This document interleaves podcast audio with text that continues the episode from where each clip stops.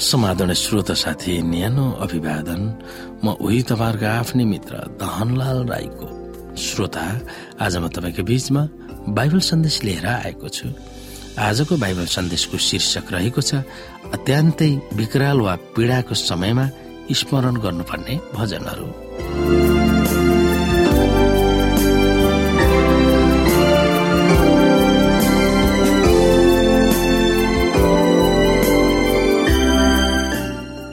श्रोत साथी भजन संग्रहको पुस्तक भक्तहरूको निम्ति उपासनामा प्रयोग वा पाठ गर्ने स्तोत्र वा स्थिति मात्र होइन। यो पुस्तकका अध्यायहरू पढेर आजको धार्मिक विधि पूरा गरे भनेर ढुक्क पार्ने यस पुस्तकका आशय होइन।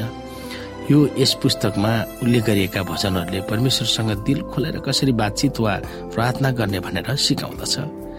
तर यस पुस्तकको मूल लक्ष्य भनेकै मानिसहरूको आध्यात्मिक शारीरिक मानसिक जीवनका अनुभवहरू परमेश्वर सम्मत छ कि छैनन् भनेर केलाउँदछ र त्यसै अनुसार चल्न यसले माग गर्दछ।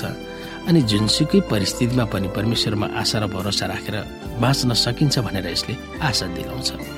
परमेश्वरका वचन अनुसार चल्ने मानिसहरूमा उहाँको उपस्थिति भइरहन्छ भनेर पक्का आश्वासन दिँदछ। अत्यन्तै दुःख कष्ट र पीडाको बीचमा पनि परमेश्वरमाथि भरोसा राख्न सकिन्छ भनेर भजन संग्रह बाइसले हामीलाई सिकाउँदछ।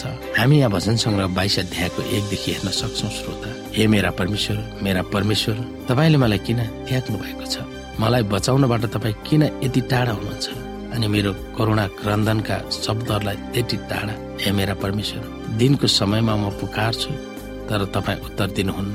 राति पनि म शान्त भन्दिन तापनि तपाईँ परम पवित्र सिंहासनमा विराजमान हुनुहुन्छ। तपाईँ इजरायलका प्रशंसा हुनुहुन्छ। हाम्रा पुर्खाले तपाईँमा नै भरोसा राखेका थिए। तिनीहरूले भरोसा राखेर तपाईँले तिनीहरूलाई छुटकारा पनि दिनुभयो। तपाईँमा तिनीहरूले पुकार गरे र बाँचे। तिनीहरूले तपाईँमा भरोसा राखेर निराश भएन तर म त एउटा किरा मात्र हुँ। मानिस होइन। मानिसहरूद्वारा उपेक्षित र लोकद्वारा तुच्छ गनिए मलाई देख्नेहरू जति सबैले मेरा ठट्टा गर्छन्। तिनीहरू ओठ लेब्र्याउँछन् र मुटु बटार्दै हिँड्छन्। त्यसले परमप्रभु माथि भरोसा गर्दछ त्यसलाई उहाँले नै छुटाउ उहाँले नै त्यसको उद्धार गर्नु किनकि त्यससँग उहाँ प्रसन्न हुनुहुन्छ। त्यही पनि तपाईँले नै मलाई गर्वबाट निकाली ल्याउनु भयो मेरी आमाको काखैबाट तपाईँले मलाई तपाईँमाथि भरोसा राख्ने वचन बनाउनु भयो मेरो जन्मैदेखि म तपाईँका अर्पण गरी मेरी आमाले मलाई जन्म दिएदेखि तपाईँ मेरा परमेश्वर हुनुभएको छ। मबाट टाढा नहुनुहोस्। किनकि सङ्कट नजिकै छ र मलाई गुहार गर्ने कोही छैन। धेरै साडीहरूले मलाई हेरेका छन्। भाषानका बलिया साडीहरू मेरो चारैतिर छन्। आफ्नो शिकार हराउने भोका भोकाएका गर्जने सिंहहरू मेरो विरुद्धमा आफ्ना मुख पाउँछन्। म त पानी चाहिँ पोखिएको छु र मेरा सारा हड्डीका झोर्नेहरू फुस्केका छन्। मेरो मुटु मैनी जस्तो भइसकेको छ। मेरो छातीभित्र त्यो पक्लेको छ। माटोको पखेटो चाहिँ मेरो बल फुस्किसकेको छ र मेरो जिब्रो मेरो तालुमा टाँसिएको छ। तपाईँले मलाई मृत्युको धुलोमा मिलाउनु भएको छ। कुकुरहरू मेरो चारैतिर छन्। कुकर्मीहरूको समूहले मलाई घेरेको छ तिनीहरूले मेरो हात र मेरा खुट्टा छेडेका छन्।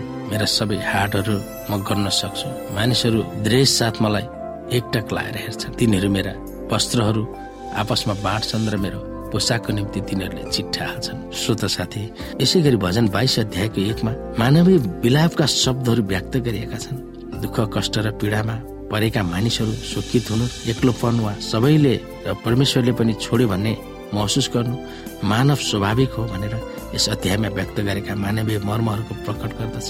हे मेरा प्रभु मेरा परमेश्वर तपाईँले मलाई किन त्याग्नुभयो? मलाई सहायता गर्न तपाईँ किन टाढा रहनु भएको छ? मेरा पीडाका भावनाहरूलाई तपाईँले व्यवस्था गर्नुहुन्छ।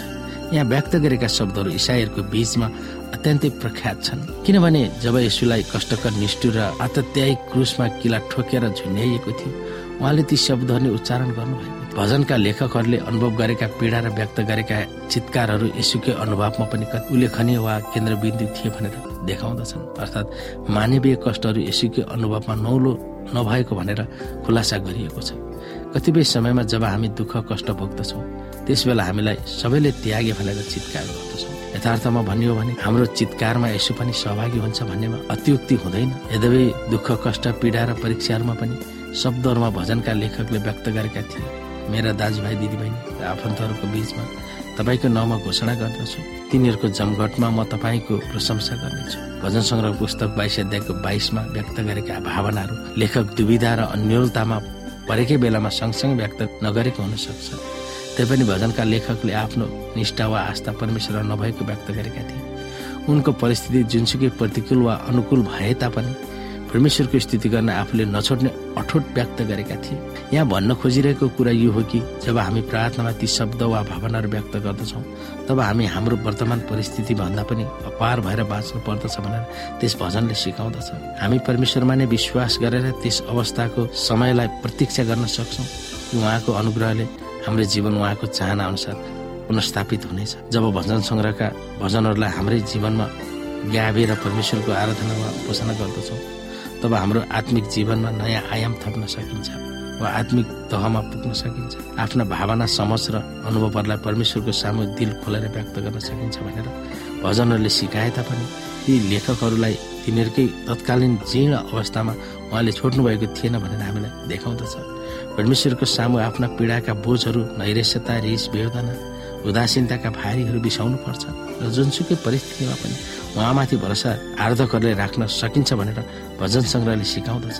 मिलापबाट उचिल्दै परमेश्वरको स्थिति प्रशंसा गर्ने तहमा जब भजनका लेखकहरू पुग्दछन् तब परमेश्वरमा विश्वास र भरोसा राख्दा तिनीहरूको आत्मिक परिवर्तन भएको थियो भनेर देखाउँदछ। प्रार्थनाद्वारा उहाँबाट पाउने अनुग्रह र सान्त्वनाले मानव जीवनको बहुआयामिक पक्षहरूको रूपान्तरण हुन सक्दछ। अहिले हामी जुनसुकै दुःख कष्ट र परीक्षा भोगिरहे तापनि हामी तिनीहरूबाट अपार भएर परमेश्वरको प्रेम र भलाइमा भरोसा राख्न सक्छौँ। यी कुरामा हामी विचार गर्न सक्दछौँ।